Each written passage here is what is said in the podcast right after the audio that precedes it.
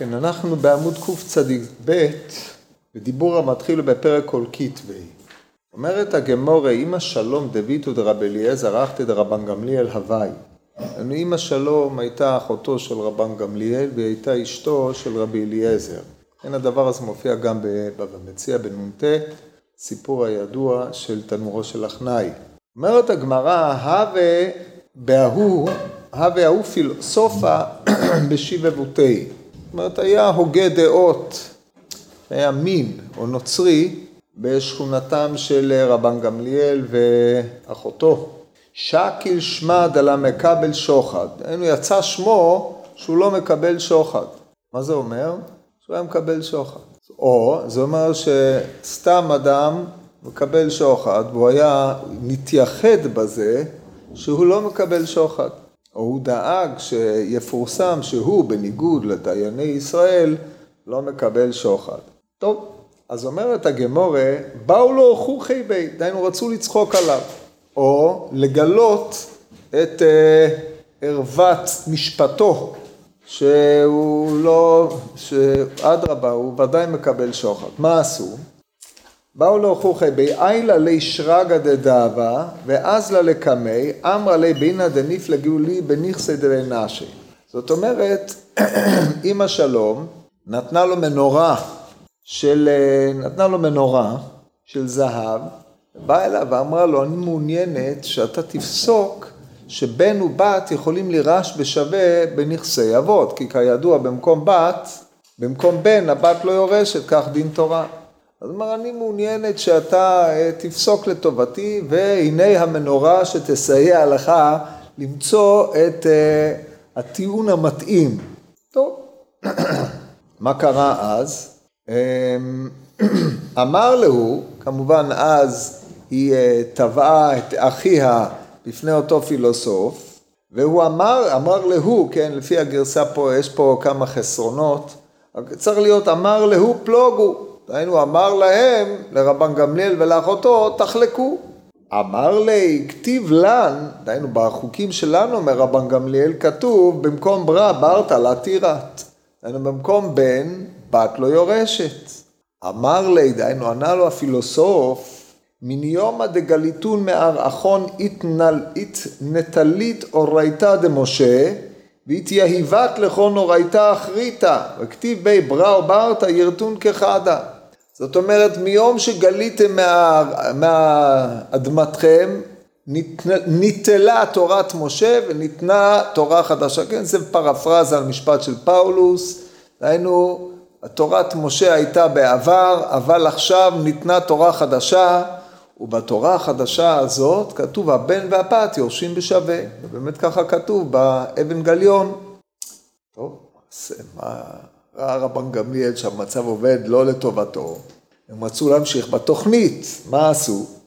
למחר הדרעי לאיהו חמר הלובה. דהיינו הכניסו לו חמור לובי, חמור לובי זה חמור שיכול ללכת באפלה, יש לו אה, יכולות ראיית לילה.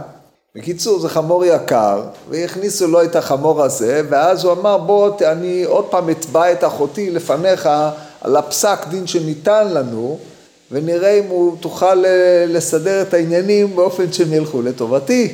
ואכן, למרבה התדהמה, כך אירע. מה היה? אמר לו, ואז הוא טבע אותם, ואז הוא פסק להם, אמר לו, שפילית לסייפי דאבנגליון, ככה כתוב בגמרא, וכתיב בי, אנא לא למפחת מאורייתא דמשה עתיתא, אלא לא סופי על דמשה עתיתא.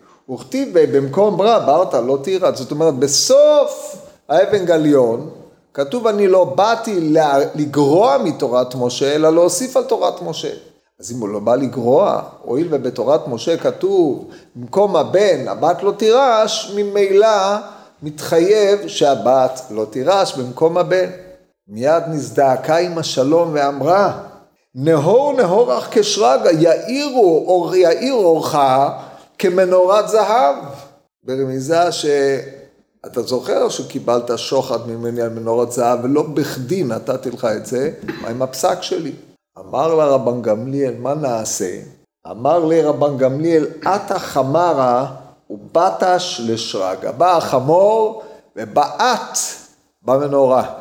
לכן אין מה לעשות, כיוון שהוא בעט במנורה, דינו של מי שקיבל את החמור, ממילים אחרות, כי מי שקיבל את השוחד בסוף, או מי שנתן את השוחד בסוף, הוא זה שזוכה בדין. כן, הרי לכם, הלעגה יוצאת מגדר הרגיל, ומה עושה שוחד לאדם. עכשיו, זה מה שהולך לנתח המהר"ל. מה המשמעות העובדה שהיא נתנה לו מנורה והוא נתן חמור?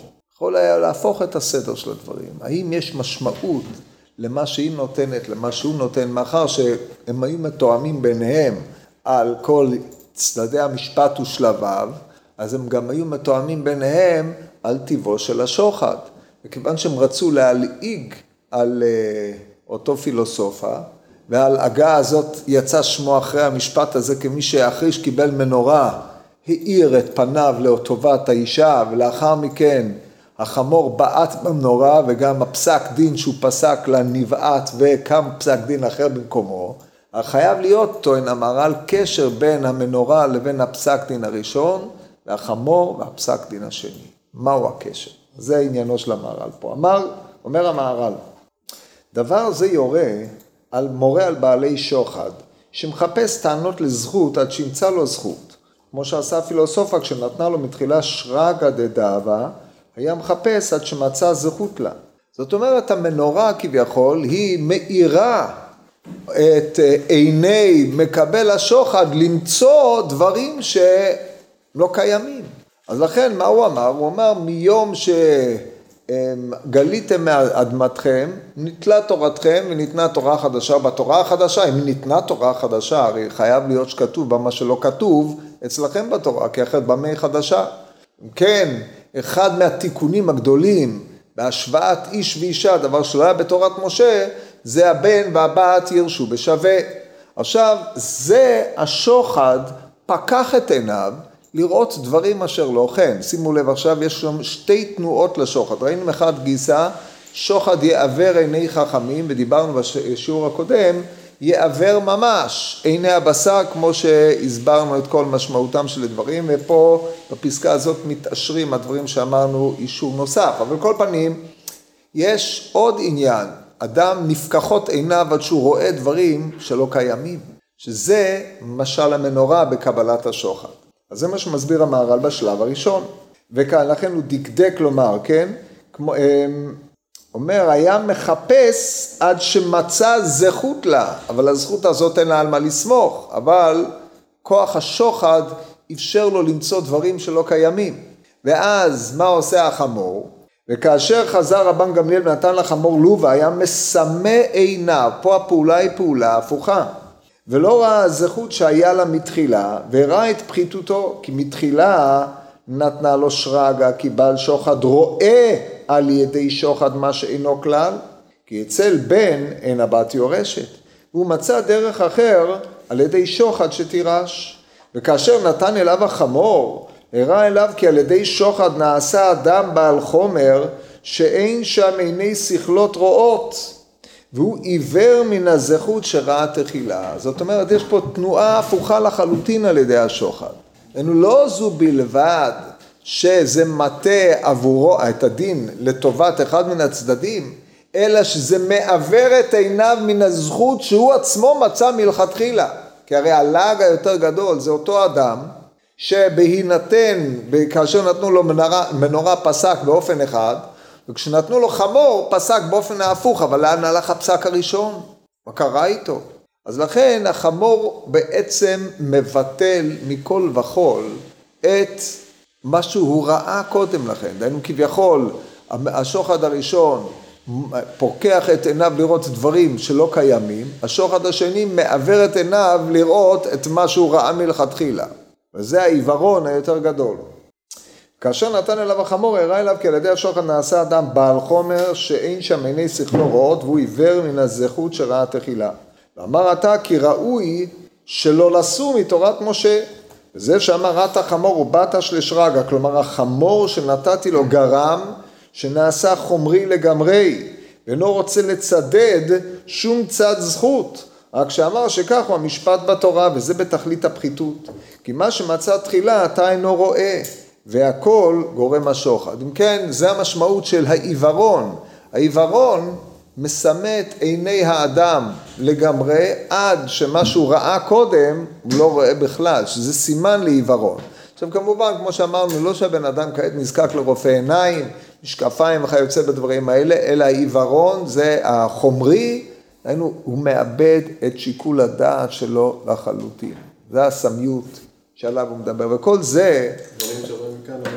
כן, משהו מעין זה, וכל זה רמז לו במה, רמזה לו, במה שנתנה היא אליו, או נרמז לו במה, או רמזו לו, במה שנתנה היא אליו שרגא, והוא נתן לו חמר עלובה. כי שרגא רמז להאיר עיניו למצוא דבר שקר, שהרי המשפט באופן בסיסי הוא לרעתה, לכן היא נדרשה ממנו, נדרשה ממנו, תמצא סעיף לטובתי, שלא קיים. אז באמצעות השוחד נפקחו עיניו וראה מראות שאדם רגיל, בלי השוחד, לא היה רואה כמובן, כן? שרג הרמז להעיר עיניו למצוא דבר שקר. והוא, שהרי הוא חייב היה להחזיר את המשפט על כנו, היה צריך לסמא את עינו ממה שראה מתחילה, וזה החומר. נתן לו חמר עלובה שהשוחד גורם שאינו רואה, והלב שבו השכל נעשה חומרי, זה חמרה לובה, לובה מלשון לב, חמרה מלשון חומרי, הלב זה ההשגה והמחשבה של האדם נעשה חומרי. כל זה השוחד גורם, שהוא גורם שמצדד ורואה דבר שקר וגורם גם כן שלא יראה האמת. אם כן הגמרא הזאת מראה את הצדדים השונים שהשוחד פועל בין כך ובין כך האמת נעדרת בין מצד זה ובין מצד זה. ואינו מצדד להכיר דבר אמת וזה מבואר. עד כאן הסיפור הזה עם הלקחים, זה מאשר כמובן את מה שאמר קודם, ממשיך המהר"ל ובפרק תוילים. תניא רבי יוסי בן אלישע אומר אם ראית דור שצרות רבות באות עליו, צא ובדוק בדייני ישראל שכל פורענויות שבאות, באה לעולם לא באה אלא בשביל דייני ישראל. שימו לב לדברים החמורים מאוד שנאמרים פה. מביא פסוק בספר מיכה פרק ג' שימו נזות ראשי בית יעקב וקציני בית ישראל המתעבים משפט וכל ישרה יעקשו ואת כל הישרה יעקשו. אחרי זה ממשיך הפסוק ואומר בונה ציון בדמים וירושלים בעוולה ראשיה בשוחד ישפוטו וכהניה במחיר יורו נביאה בכסף יקסומו ועל השם יישענו לאמור לו תבוא עלינו רעה כך אומר הנביא שימו לב הדברים אה, שמעתם דברים דומים כן אנחנו מכירים תופעות כאלה לצערנו הרב ואלה דברים שהיו בירושלים בזמן מיכה הנביא מה, מה כתוב אחרי זה? ולכן בגללכם ציון שדה תחרש וירושלים עיין תהיה והר הבית לבמות יער. אומרת הגמורה, לפיכך הביא הקדוש ברוך הוא עליהם ג' פורענויות כנגד ג' עבירות שבידם, כן העבירות זה ראשיה בשוחד ישפוטו, דהיינו עבירת משפט, נביא, כהניה במחיר יורו, דהיינו אם אתה רוצה לקבל הוראה מהכהן אתה צריך לשלשל לכיסו כסף כדי שהוא יפסוק לך, ילמד אותך, יעשה את מה שהוא מחויב לעשות, ונביאיה אה, בכסף יקסומו, דהיינו אתה רוצה ללכת לנביא לקבל נבואה, צריך לשים פדיון, קוויטל, אה, ואז להכניס את הקוויטל שלך, ואז אולי תקבל את מה שאתה רוצה. כן, זה בעיה. אז זה מה שאומר אה, הנביא. לכן בגללכם הביא הקדוש ברוך הוא עליהם ג' פורעניות כנגד ג' עבירות שבידם שנאמר לכם בגללכם ציון שדה תחרש, ירושלים אם תהיה והר הבית לבמות יער. אין הקדוש ברוך הוא משרה שכינתו לישראל עד שיכלו שופטים ושוטרים רעים מישראל. כן, רעים פה בסוגריים, אף על פי שבגמרא זה נגרס, מפני שהמהר"ל בהמשך משמיט את המילה רעים. ואם כן, יש פה ביקורת נוקבת על מערכת המשפט בימיו, כמו שמופיע בסוף הנתיב הזה. נראה עוד מעט. שנאמר ואשיבה ידי עלייך ואצרוף כבור סיגייך ואסירה כל בדילייך ואשיבה שופטייך כבראשונה ויועצייך כבת תחילה ואחרי כן יקרא לך עיר הצדק קריה נאמנה ציון במשפט תיפדה ושבע בצדקה זה הפסוק פירוש הדבר הזה מה שאמר כן הפורעניות בא לעולם אלא בשביל דייני ישראל כי כאשר החטא הוא בדיינים, אם יש עוולת משפט בחברה, אין ספק שמידת הדין פוגע בשונאי ישראל. כן, הכוונה לשון אה, סגי נהור כמובן. מידת הדין כנגד מידת הדין, זאת אומרת כאשר מי שממונים על מידת הדין מעוותים את הישרה ואין הדין מתנהל נאות באותה חברה, אז מידת הדין פוגעת בהם. כבר ראינו את העניין הזה בעבר, אין הרבה מה להעריך בזה, זה מידה כנגד מידה, הוא הסביר את זה קודם לכן. אמ, אין ספק שמידת הדין פוגע בשונאי ישראל כאשר הדיינים יש בהם חטא ועוון ודבר זה מבואר. ומה שאמר בשביל שלושה חטאים שהיו בישראל ראשיה בשוחד ישפוטו כהניה במחיר יורו ונביאה בכסף יקסומו והיינו חטא האחד במשפט דכתיב ראשיה בשוחד ישפוטו חטא השני בתורה דכתיבו כהניה במחיר יורו וחטא השלישי בנבואה כדכתיב נביאה בכסף יקסומו כנגד זה מביא הקדוש ברוך הוא שלוש פורענויות ציון שדה תחרש, ירושלים אם תהיה והר הבית לבמות יער, וזה כי ציון נאמר על בית המקדש, משם הנבואה יוצאה לעולם. תכתיב ודיברתי איתך מעל הכפורת, כי השכינה במקדש, ומשם הנבואה באה לישראל. כן, יש על זה הרבה ראיות. ציון מכלל יופי, אלוהים מופיע, יבוא הנה אלוהים נבעה על יחרה, שיש לפניו תאכל וסביביו נסערה מאוד, זה פסוק בתהילים נ', והגמרא המפורסמת בירושלמי במסכת אה, סוכה, שיונה עלה, עלה אה, לירושלים ושרתה עליו רוח הקודש, כן? בית השואבה, שמשם שואבים רוח הקודש. ולכן בית המקדש, ציון, בהקשר הזה הוא קורא לו בית המקדש, הוא המקור שממנו רוח הקודש יוצא לכל ישראל. אז כנגד זה ציון שדה תחרש, כנגד נביאיה בכסף יקסומו. וירושלים היא אם תהיה, כי ירושלים הייתה מוכנת לתורה, כמו שבהרו במדרש, מחוכמת ירושלים. כן, הוא רומז פה למדרש איכה בפתיחתאות של איכה לאחד אתינס שהגיע לירושלים, או אחד ירושלים שהגיע לאתינס. בקיצור, חוכמת אנשי ירושלים, ממה היא הייתה? מן התורה שהייתה בירושלים, כן? כמו שהגמרא מתארת כמות הבתי כנסיות, בתי מדרשות שהיו בירושלים בבית שני, אז ירושלים מבטא פה את uh, הנהגת התורה. והר הבית לבמות יער, כי שם ישבו הסנהדרין לשפוט את ישראל. ומפני שחטאו בשלוש, לכן הביא הקדוש ברוך הוא עליהם שלוש פורענויות, נקודה. אז עד כאן אמר לא טרח להסביר את זה, הרבה מפני שזה לא עיקר עניינו. עיקר עניינו הוא כמובן לדון במה שקורה, לדבר על מה שקורה כאשר יש עיוות הדין. לכן פה חוזר המהר"ל, מדבר על המשך הגמרא, שאין הקדוש ברוך הוא משרה שכינתו לישראל עד שיכלו שופטים ושוטרים רעים מישראל, שנאמר ואשיבה ידי עלייך ואצרוף כבור סיגייך וכולי, ואשיבה שופטייך ואחרי כן יקרא לך עיר הצדק קריה נאמנה. אומר המהר"ל אין הקדוש ברוך הוא משרה שכינתו בישראל עד שיכלו שופטים ושוטרים מישראל, אפילו דיינים שאינם רשועים למה? הם לא רשע, למה, למה הוא מונע ששכינה תשרה בישראל? מכל מקום אי אפשר שלא יהיה בהם חטא של מה? שאינם ראויים שתשרה שכינה בישראל על ידם. לפיכך אמר שאין שכינה שורה בישראל עד שיכלו שופטים מישראל. זה משפטים חמורים ביותר. מתבונן המהר"ל על הדיינים בזמנו, ויודע שהם אנשים שלמדו בישיבה, למדו אה, הלכות דיינות וכולי וכולי, ואף על פי כן הוא רואה מומים באופן ההתנהלות שלהם, הם לא רשעים, הם משתדלים לעשות את היושר, אבל מה נעשה? שאף ולא משים, או אפילו בדברים שבעיניהם נראים דברים קלים, הם מעוותים משפט ומעוותים את הישר, הכל ישרה יעקשו כלשון הנביא. זאת כוונת המהר"ל.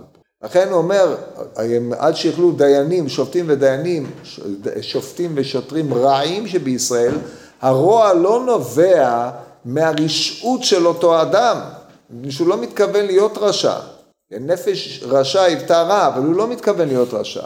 אבל יש דברים שהוא דש בעקביו, והם הם שמביאים לעיוות הדין, כמו שעכשיו הוא יפרט. והנה איזה דיינים שעושים, אצלי, אצלנו כתוב איזה דיינים שעושים דבר במשפט. מה יש לעשות בדבר? צריך להיות עוול במשפט. צריך לתקן איזה דיינים שעושים עוול במשפט ובדין, זאת אומרת, יש דיינים כאלה שעושים עוול במשפט ובדין, שמא תאמר שהם עושים את זה מפני שהם רוצים לעוות ישרה לו, למה הם עושים את זה? נראה בעיניהם שהוא דבר קל. הם עושים את זה כדי לייעל את המערכת. כדי uh, שנוכל uh, לא לעכב את התיקים הרבים שמצטברים, אלא להריץ את העסק, ואף על פי כן אומר המהר"ל, הוא דבר גדול מאוד מאוד. זאת אומרת, מה שהם עושים הוא מביא לעיוות גדול מאוד במשפט. מה הם עושים? מסביר, וזה, כי מביא לו אחד מבעלי הדינים משפטו, מסדר לו טענות שלו, והרב יכתוב ויחתום באם כן הדברים. וכל זה חטא ואשמה גדולה. זאת אומרת, מה שקורה זה ככה, נניח ראובן תובע את שמעון. שמעון נמצא עכשיו בנופש באיזשהו מקום, או נמצא לצורך עסקיו באיזשהו מקום. ראובן נמצא פה. הוא תובע את שמעון בפני הדיין, אבל מה נעשה? הדיין, גם אם ישלח את uh, שליח הבית דין להביא אותו, הוא נמצא באמצע הים. אז רק כאשר הוא יחזור, אפשר יהיה לנהל את המשפט. בינתיים מתעכבים הדברים. הדיין לצורך היעילות אומר, טוב, תטען את הטענות שלך. כותב את כל הטענות. כותב, אם כן הדברים כפי שטען ראובן זה בפניי ביום זה וזה וכולי, אז הדין צריך להיות כך.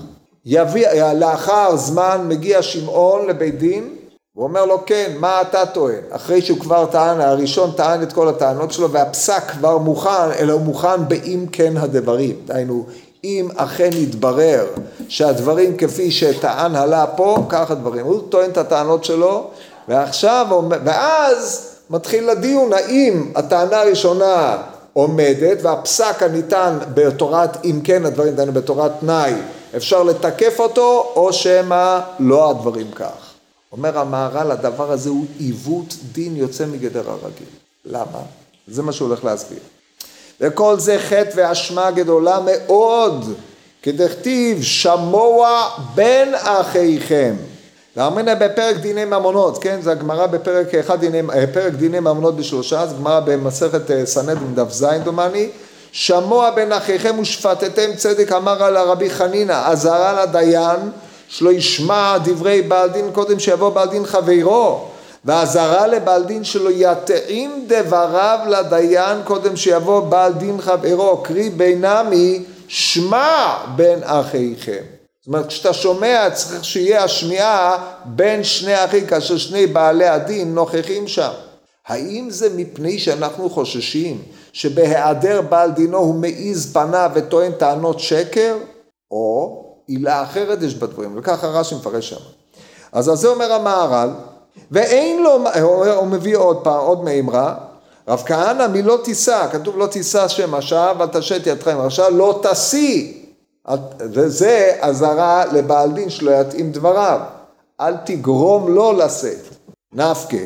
אומר המהר"ל, ואין לו מר דתמא משום שמשקר לו בעל דין וכדמשמע פירש רש"י, מפני שכאשר הבעל דין השני לא עומד שם, אז הוא יכול להגיד מה שהוא רוצה, ואין אדם מעיז פניו בפני בעל חובו, וכאשר בעל חובו לא נמצא, מעיז הוא, הוא יכול לנפח דברים, אין לו שום, אין, אין בעיה. אחרי שבעל הש... הדין השני מגיע, מי שמייצג את הבעל דין הראשון זה הנייר הכתוב, הוא לא צריך אפילו להיות שם. כבר נכתבו לו כל הטענות, הוא אומר, אדוני הדיין, אני פוטר את עצמי מהנוכחות בשל עסקים שאני עכשיו צריך לנהל, אתה תדבר עם הנייר, הנייר כבר מדבר בשבילי את כל טענותיי, והולך. כן, זאת, זאת שיטת רעש, אומר המהר"ל, זה פשיטה, כי לשקר, ודאי, אלא אפילו בלי זה. יש גם עיוות עצום שבדין. כיצד?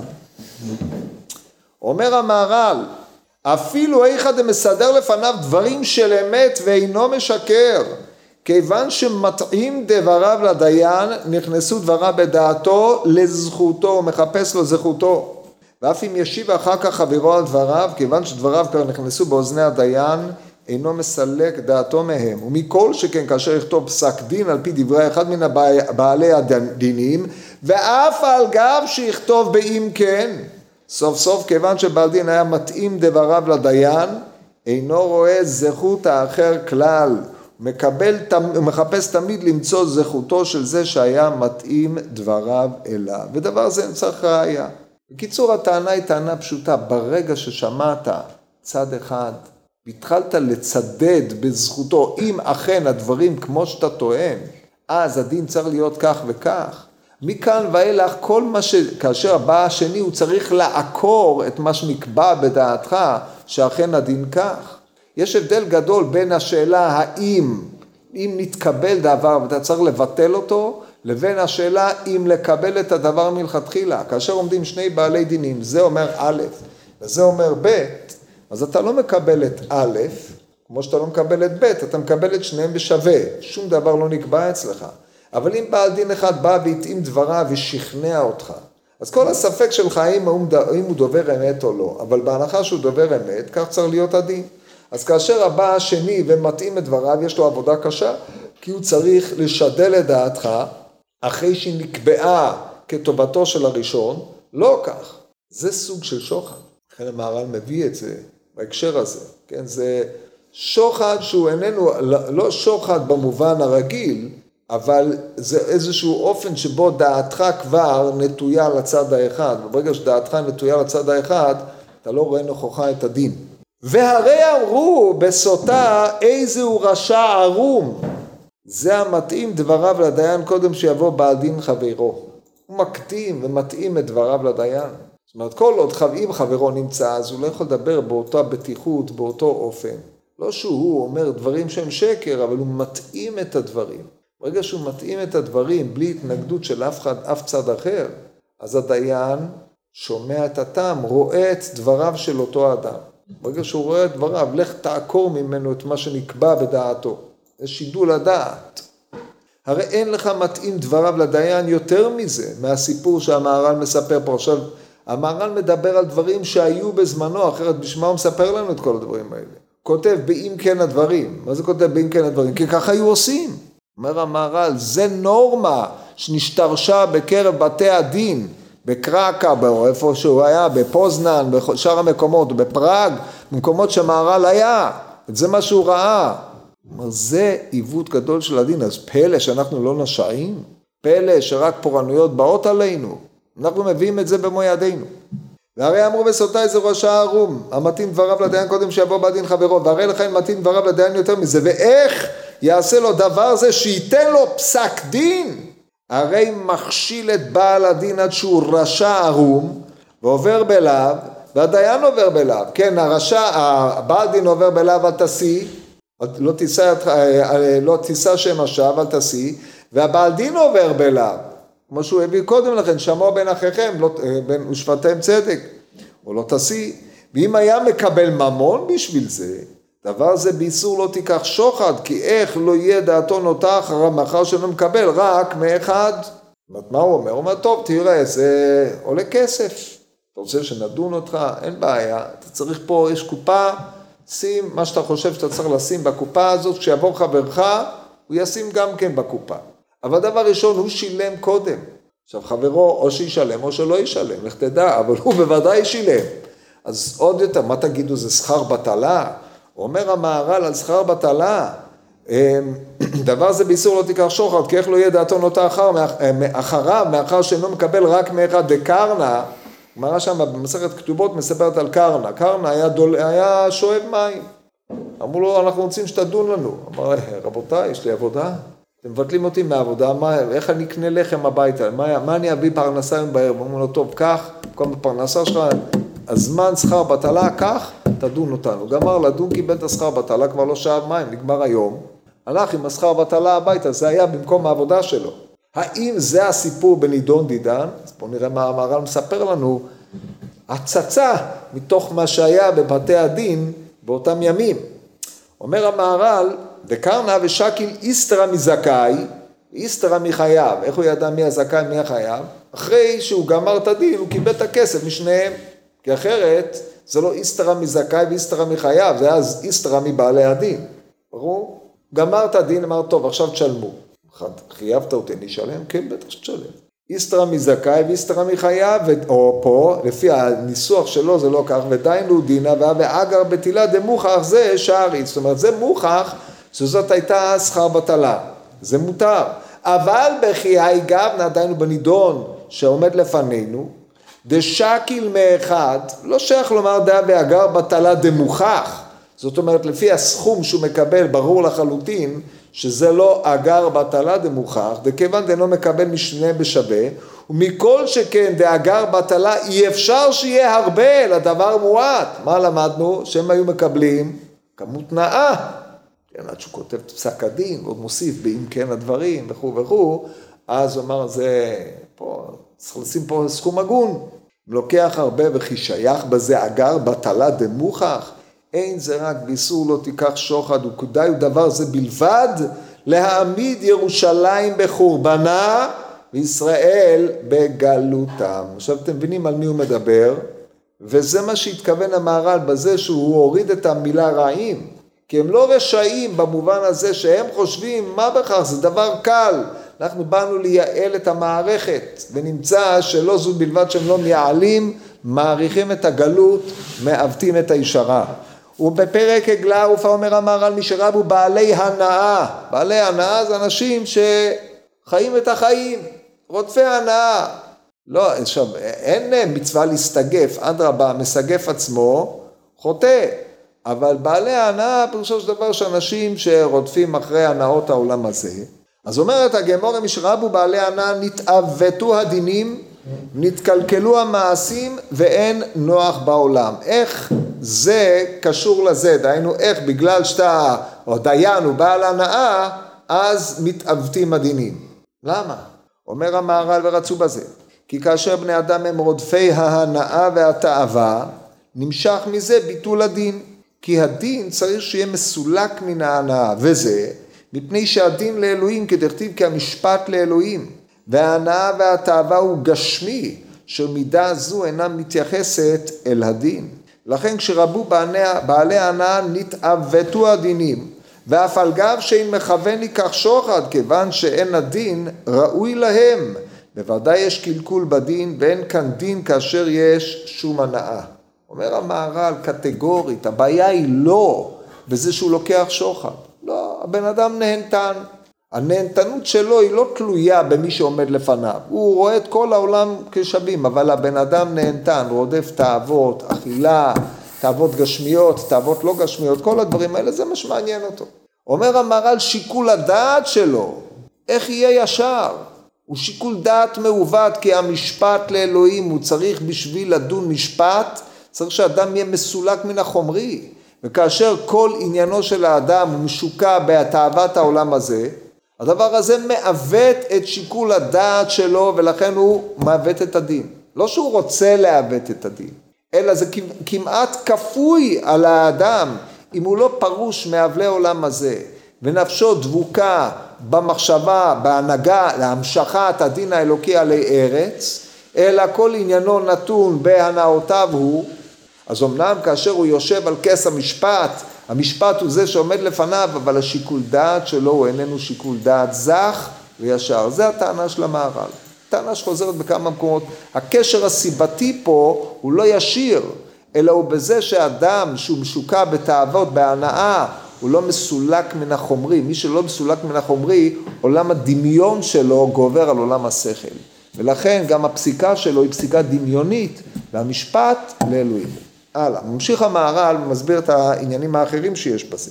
אומר המהר"ל, אמ, ואף על גב שאין, לא, ראינו את כל זה, כן, טוב, ומה שאמר, אה, אה, דילגתי, ונתקלקלו המעשים, כי המעשים הם כאשר יש דין, אז האדם עושה מה שמחויב לעשות מצד הדין, כאשר אין דין, אין המעשים גם כן, התקלקלו המעשים, זאת אומרת, כיוון שנתעמתו הדינים, אז המעשים הבאים בעקבות הדינים, מקולקלים, מפני שהרי הדין אמור ליישר את מעשיהם של בני אדם, אבל אם הדין הוא מעוות, אז המעשים מקולקלים, ואין נוח בעולם, מסביר המהר"ל, מה שאמר ואין נוח בעולם, אין נוח, הכוונה אין השלמה ומנוחה, אלא יש טלטלה, יש סערה, אה, יש חוסר נוחות. ומה שאמר ואין נוח בעולם כי כבר התברר כי הדין גורם ההנחה וכאשר אין דין אין הנחה מפני המחלוקת. לפיכך אמר כי אחר קלקול הדין נמשך שאין נוח בעולם מחמת קלקול הדין.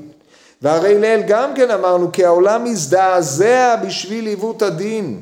לכן אין הנחה בעולם. זאת אומרת פורענויות באות. אין שלווה החברה מתערערת יש ריבים מחלוקות ואין שום ושצ... החברה מתפלגת, זה מה שקורה. כן, אנחנו רואים את זה בחוש, אין להעריך בדברים האלה, כל אחד יכול לראות את הדברים, ש... מה שקורה. הלאה, אומר שם עוד, משרבו מטילי מלאי על בעלי בתים רבתה השוחד. מה שקורה זה תלמיד חכם, איך הוא יתפרנס? הוא צריך ללמוד תורה, הוא יוצא לעסקים, זה לוקח את כל יומו, אז הוא מטיל מלאי לכיס של בעלי בתים. הוא אומר, יש לי כך וכך כסף, אני נותן לאדם שמנהל עסקים, כך, אני שותף איתך בעסקים, אנחנו נחלוק ברווחים. חצי חצי, שני שליש שליש וכיוצא בזה, כן? זה מה שנקרא כמו מעות עסקה.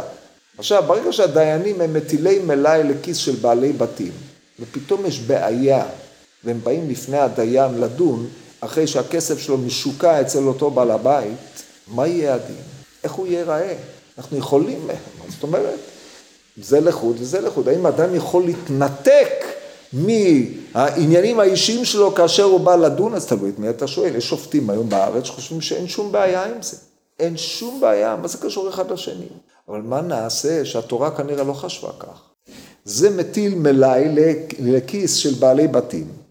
אומרת הגמורה, משרבו מטילי מלאי על בעלי בתים, רבתה השוחד והטיית המשפט. עד כאן. רצה לומר, כאשר רבו הנהנים מן האחרים, אף אגב שלא היו מטים משפט, שלא היו לאותם בעלי בתים דין לפני אותם שהיו מטילים מלאי על בעלי בתים, זאת אומרת למרות שבאותם דיינים המטילים מלאי על בעלי בתים לא דנו את אותם בעלי בתים, זה בוודאי שלא, אלא דנו בעלי בתים אחרים. אומר המהר"ל, אף על פי כן, דבר זה, קבלת הנאה מאחרים, רבה השוחד גם כן לקבל הנאה, אפילו השוחד הגמור והטיית משפט. כי כאשר מקבל שוחד אפילו לשפוט אמת, בא אחר כך להטות משפט לגמרי. זאת אומרת, ברגע שאדם מקבל הנאה מאחרים, תלוי באחרים, אז גם אם הוא לא שופט את אותם שהוא נסמך עליהם או מקבל מהם הנאה, העובדה שאתה מקבל מאחרים כדי לעשות את מה שאתה עושה, כבר מעמיד אותך בעמדת מקבל שוחד. לכן נותנים משכורת גבוהה מאוד לשופטים, כדי שהם לא יהיו תלויים בכל העניינים האחרים. אבל ברגע שיש לך הרבה מאוד כסף, אם לא תשקיע אותו, זה עיבוד. אז אם אתה משקיע אותו, כבר תלוי באחרים, כן? כל מיני פה, כל מיני שם וכיוצא בזה, אז כמעט אתה לא יוצא מהלופ הזה. זה סיפור מאוד לא פשוט. כן, אז זה מה שאומר המהר"ל, מה שאמרו שפסקה הטובה, הדבר הזה יתבהר למעלה, אצל אמרי הפרנויות בעל ישראל, צאו בדוק בדני ישראל. מכל שכן שגורם דבר זה שתפסוק הטובה כאשר יש קלקול בדין, שכל קלקול בדין גורם שמידת הדין מתוחה נגד שונאיהם של ישראל. ואמר עוד, מי שרבו הכרת פנים בדין, בטל לא תגורו, פסק לא תכיר פנים, פרקו עליהם עול מלכות שמיים, נתנו עליהם עול בשר ודם. יש לדקדק מה שאמר מי שרבו הכרת פנים במשפט, בטל לא תגורו. כי דבר זה פשיטא, כיוון שרואה פנים במשפט, שבטל לא תגור, הרי לא תגור מפני איש, אם הוא מכיר פנים במשפט, מה, מה זה לא תגור מפני איש? אדרבה, הוא עושה צד אחד. כיוון שרואה פנים במשפט, שבטל לא תגור ולא תכיר פנים במשפט, אבל פירוש דבר זה כי הדיין צריך אזהרה יתרה שלא יכיר פנים במשפט. וזה בשביל מורא בשר ודם, הוא טבע האדם להיות נכשל בזה ביותר. אדם מפחד. ברגע שאדם אה, עובר על לא תגורו מפני איש, הוא מפחד על זה, הוא, אז הוא גם מכיר פנים במשפט. אם אני מפחד ממנו, אז אני גם מכיר לו פנים. ולפיכך מי שרבו רואי פנים בדין בטל לגמרי לא תגורו אפילו מן הכשרים. זאת אומרת מכאן ואילך הוא לא, ברגע שיש נטייה לפעם או פעמיים, בטל כל העניין. המדרון החלקלק. לפיכך מי שראו בו רואי פנים בדין בטל לגמרי לא תגורו אפילו מן הכשרים כי לדבר זה צריך זריזות יתרה. וכאשר יש בני אדם מתחילים בחטא הזה, הכל נמשכים אחר זה וקרוב אדם להתבטל אפילו מן הדור שאחריו, זה הכוונה בטל לא תגור, הכוונה בטל לגמרי. אפילו מן הדור שאחריו שלא נמצא שהוא אחד שהוא כשר בדין, הוא בטל לא תגור לגמרי מן הדורות. וזה לשון בטל שאמר, ופרקו מהם עול שמיים ונתנו עליהם עול בשר ודם, בזה שרואים פנים במשפט. זה פירוש ראשון, זאת אומרת בטל גם מהדורות שאחריו, המהר"ן מדבר על זמנו, כמו שהוא מוכיח מוכיח, הפסקה הבאה מוכיחה את זה. רק נגמור את הפסקה הזאת, ואפשר לפרש מי שרבו רואי פנים בדין, כלומר שמכיר לו פנים בדין, אף אגיב שאינו מכיר פנים לגמרי לשונות הדין, רק שהוא רך אליו יותר מן השני, נקרא זה רואה פנים בדין, בטל לגמרי לא תכיר פנים במשפט ולא תגור. זאת אומרת, אם אתה מראה פנים יפות לאחד ופנים זוהמות לשני, למרות שאתה לא משנה את הפסק דין, זה כמעט בלתי אפשרי שלא תגיע לידי כך, שלא תגורו ולא, לא תגורו ולא תתה משפט, זה סופו של העניין. ואז הפסקה הבאה זה הביקורת של המהר"ל על פני דורו, זה בעזרת השם, שבוע הבא.